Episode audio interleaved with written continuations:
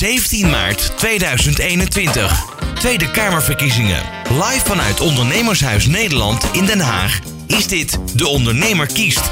Een samenwerking tussen ONL, De Ondernemer en New Business Radio. Presentatie Ron Lemmens, Robert van den Ham en Hans Biesheuvel. De verkiezingen in ondernemerstaal. Op New Business Radio. We gaan naar de telefoon. Daar hangt uh, een CDA-kandidaatskamerlid Mustafa Amouch.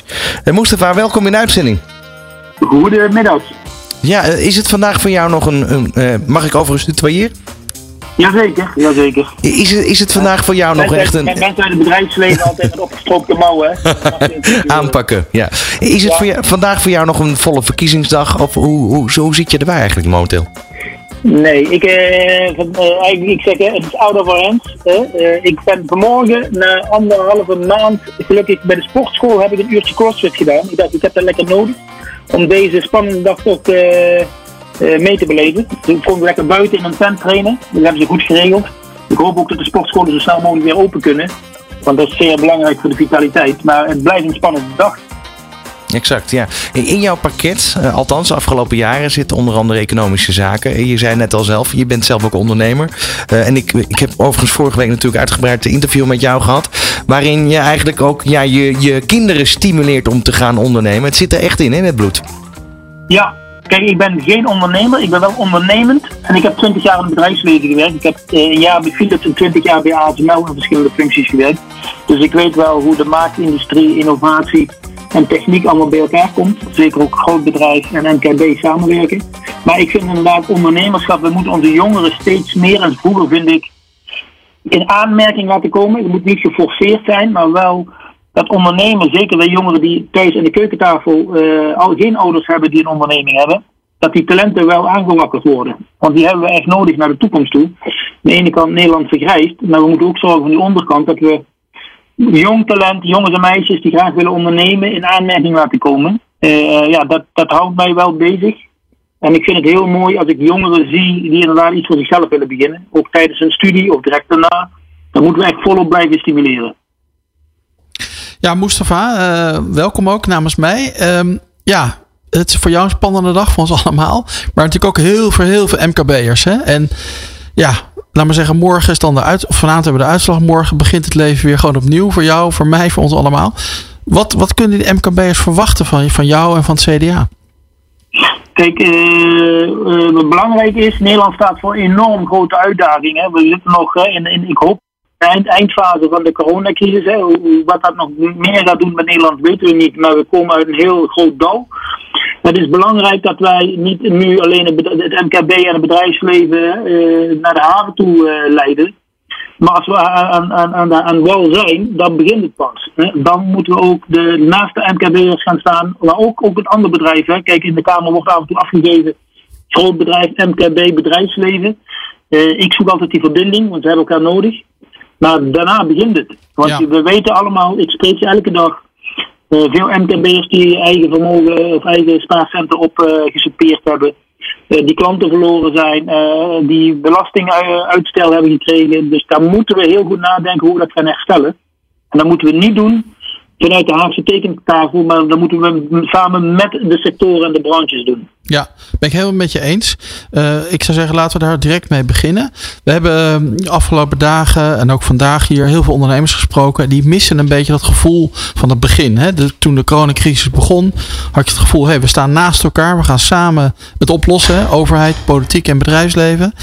En ik merk gewoon dat het gevoel is een beetje weg bij ondernemers. Wat kunnen we nou doen om dat, dat, dat, dat vertrouwen te winnen? Terug te winnen? Ik, ik herken dat hè, in die gesprekken. Uh, en toch is dat een beetje de ijsberg, zeg ik even. Ik, ik, denk dat 80% uh, ook de middelen, want we hebben het met z'n allen 70 miljard uitgegeven om, om de werknemers, en daar geef ik de ondernemers gelijk in. Hè. Ondernemers zeggen heel vaak, ja dat geld is niet naar mij toegekomen, maar om de mensen in dienst te houden. Dat herken ik, dat is samen. Je wilt natuurlijk het bedrijf overeind houden, je wilt je goede uh, werknemers overeind houden die het bedrijf samen mee opgebouwd uh, maar er zijn inderdaad ook, hoe langer het duurt, hoe pijnlijker het is. En er zijn, je ziet gewoon ook dat nu na het, uh, zeg maar, de grote groep helpen, dat gelukt is, zie je dat er steeds meer maatwerk moet komen. En dat blijft belangrijk, ook al is de haven in zicht. Er zijn gewoon bedrijven die gewoon afgelopen jaar nog niks gekregen hebben, of er nou starters zijn of uh, anderen die een verkeerd Kamer van Koophandelnummer hebben, die mensen moeten steeds nog helpen dat ze recht hebben op die vergoeding. Want dan beginnen ze ook dadelijk met een lagere schuld. Dan Ja. moeten we niet, niet zeggen dadelijk van oké, eh, iedereen kan open, kan weer ondernemen. Eh, en we vergeten dat even. Dus daar moeten we echt heel goed naar kijken. Maar ik ben het helemaal met je eens, Mustafa. Hè? Maar nou hebben we, hadden we hier net Hans Velbrief op bezoek.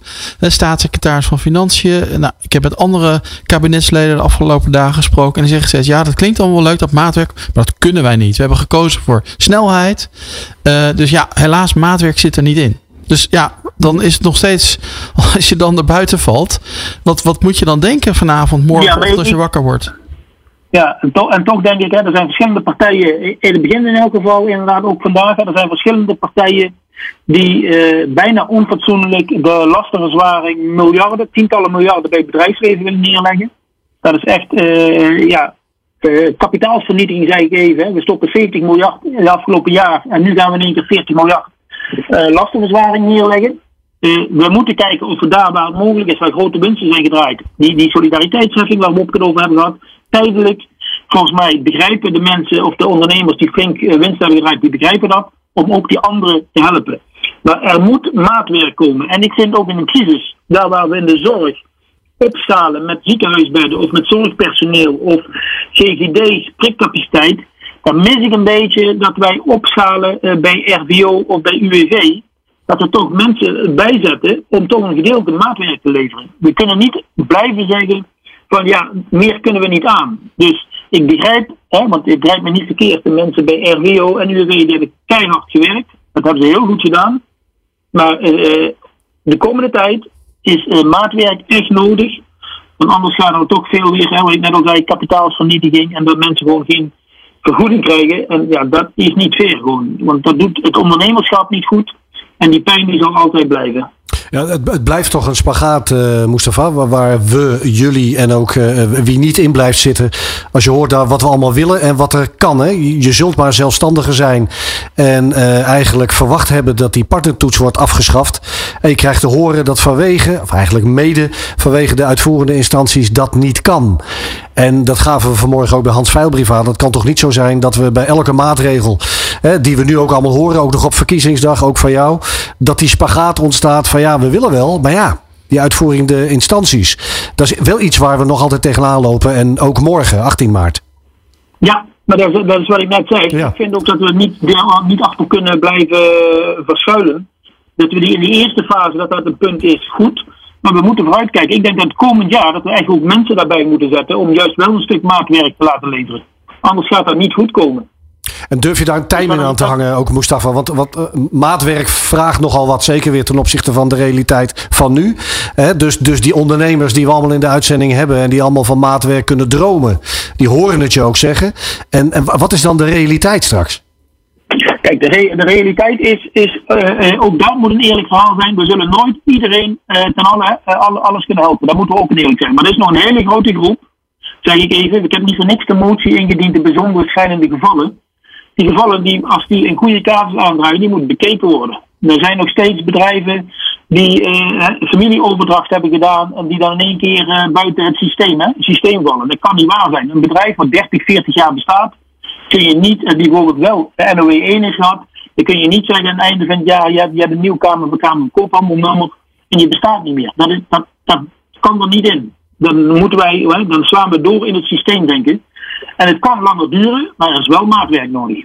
Ja, maar Mustafa, we praten daar natuurlijk al maanden over. Hè? En ik, ik waardeer enorm dat je dit nu zegt hè? en dat je het ook voor die mensen opneemt. Maar het is nog steeds niet geregeld. Hè? Ik bedoel, we zijn nog steeds aan het inventariseren. Hè? Ik, heb, ik zie nog geen oplossing.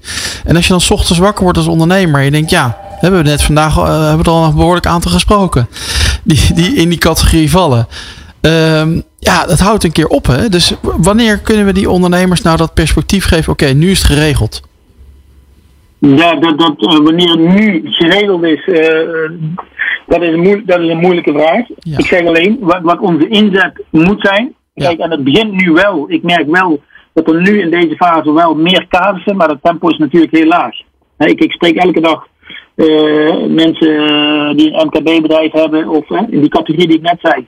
Maar ook eh, accountancy, dat is ook wel een verhaal. Want die accountancy, Die hebben zoveel te doen in deze tijd. En die kosten voor de MKB'ers blijven nog oplopen. Dat Ja. is een zijsprongetje. Ja. Maar ik moet zeggen, eh, bij het UWV, bezwaar aantekenen gaat redelijk goed, moet ik zeggen. Er wordt ook teruggebeld, er wordt ook doorgepakt. RVO hebben we nog een, eh, een grote uitdaging eh, te gaan. Nogmaals, ik weet dat die mensen veel hard werken, maar we moeten daar opscha- opschalen. En dat is, een- dat is een opgave voor de organisatie daar. En we kunnen niet meer elke keer terug zeggen van eh, eh, er is geen capaciteit. Dat, dat functioneert niet. Kunnen we er één element eh, tot slot nog even uithalen, Mustafa, als je dat, dat goed Ja. vindt? En dat zijn de belastingen. Het terugbetalen van de belastingen. Ook een eh, speerpunt eh, van Hans met ONL, die er ook met Veilbrief al over in, eh, in gesprek is. Kunnen we iets proberen toe te zeggen? Als we kijken naar het huidige kabinet, dan levert het CDA immers de minister van Financiën. Maar kunnen we ergens naartoe gaan om, laten we toch nog het woord perspectief een keer noemen, tegen ons ondernemers te kunnen zeggen, joh, die belastingen die bevriezen we, rentevrij, renteloos. En over twee, minimaal twee jaar hoef je dat te betalen, CQ, terug te betalen. Zijn dat gewoon hele concrete punten die we wat meer body zouden kunnen, kunnen geven op korte termijn? In principe, eh, uitbetaal van belasting, de regeling die er nu is, is dat degenen die belastinguitstel aangevraagd hebben, dat die pas hoeven te beginnen te, terug te betalen vanaf 1 oktober eh, dit jaar. En die mogen er volgens mij 36 maanden over doen. Maar eh, ook in het plan, de New Deal, die Wopke zelf gepresenteerd heeft, staat ook het MKB Herstelfonds. Je moet daar ook gaan kijken dadelijk. Eh, dit is de standaardregel, maar je wilt niet dat dadelijk bedrijven die er net niet aan voldoen, dat die weer omvallen. Dus ook vanuit zo'n MKB herstelfonds zou je moeten kijken of je hè, die, die regeling of die uitstel iets kunt eh, verlengen als dat mogelijk is. Als je ziet dat inderdaad een bedrijf daar goed op weg is, maar de tijd toch nog te kort blijkt te zijn of net niet die ruimte heeft, ja, dan moet je daar heel serieus, naar, heel naar kijken. Nu, nu staat er 36 maanden voor. En ook voor de NOW heb ik begrepen, voor mensen die misschien net in de NOW eh, anders ingeschat hebben en iets terug moeten betalen. Ook daar eh, kunnen ze een behoorlijk lange eh, betaaltermijn aan koppelen. En, en naar die dingen moeten we kijken. Als het langer moet, ja, volgens mij moeten we dat doen om die bedrijven overeind te houden. Er is niemand bij gebaat, zeker in deze crisis niet, als bedrijven dadelijk alsnog gaan omvallen. Hans, dit, dit moet eh, je goed in de oren klinken. Zeker. En eh Mustafa, ik zou zeggen, eh, stri- strijd aan onze zijde de komende dagen en weken. Dat we snel die duidelijkheid krijgen. Want ja, we weten allemaal, die versoepelingen die zitten nog niet echt in op hele korte termijn. Het het is een vervelend woord om steeds te herhalen, maar dat Ja. perspectief is en blijft cruciaal. En als we duidelijk zijn, in ieder geval zorgen dat ondernemers weten waar ze aan toe zijn, dan geeft het in ieder geval moed om door te gaan. Nee, dat Hans, je kent mij de afgelopen vier jaar ook. Kijk, er zijn in de Kamer eh, wordt er vaak afgegeven op het bedrijfsleven. En eh, doet net of het bedrijfsleven een vreemd wezen is. Maar het bedrijfsleven zijn we zelf. Daar werken onze eh, familie, vrienden, die werken daar. Er zijn mensen in de Kamer die komen hard op. Zonder schaamte natuurlijk voor onderwijs, voor de landbouw, voor veiligheid. Ik heb de afgelopen vier jaar gestreden voor het MKB en ik ga naast die ondernemers staan. En dat doe ik met trots. Naast het grootbedrijf, MKB. Als er iets niet goed gaat, dan bespreken we dat. Eh, maar laten we nou trots zijn op wat wij in Nederland doen en wat, wat wij in Nederland eh, maken. Daar kun je van op aan. Mustafa, dankjewel voor eh, je toelichting.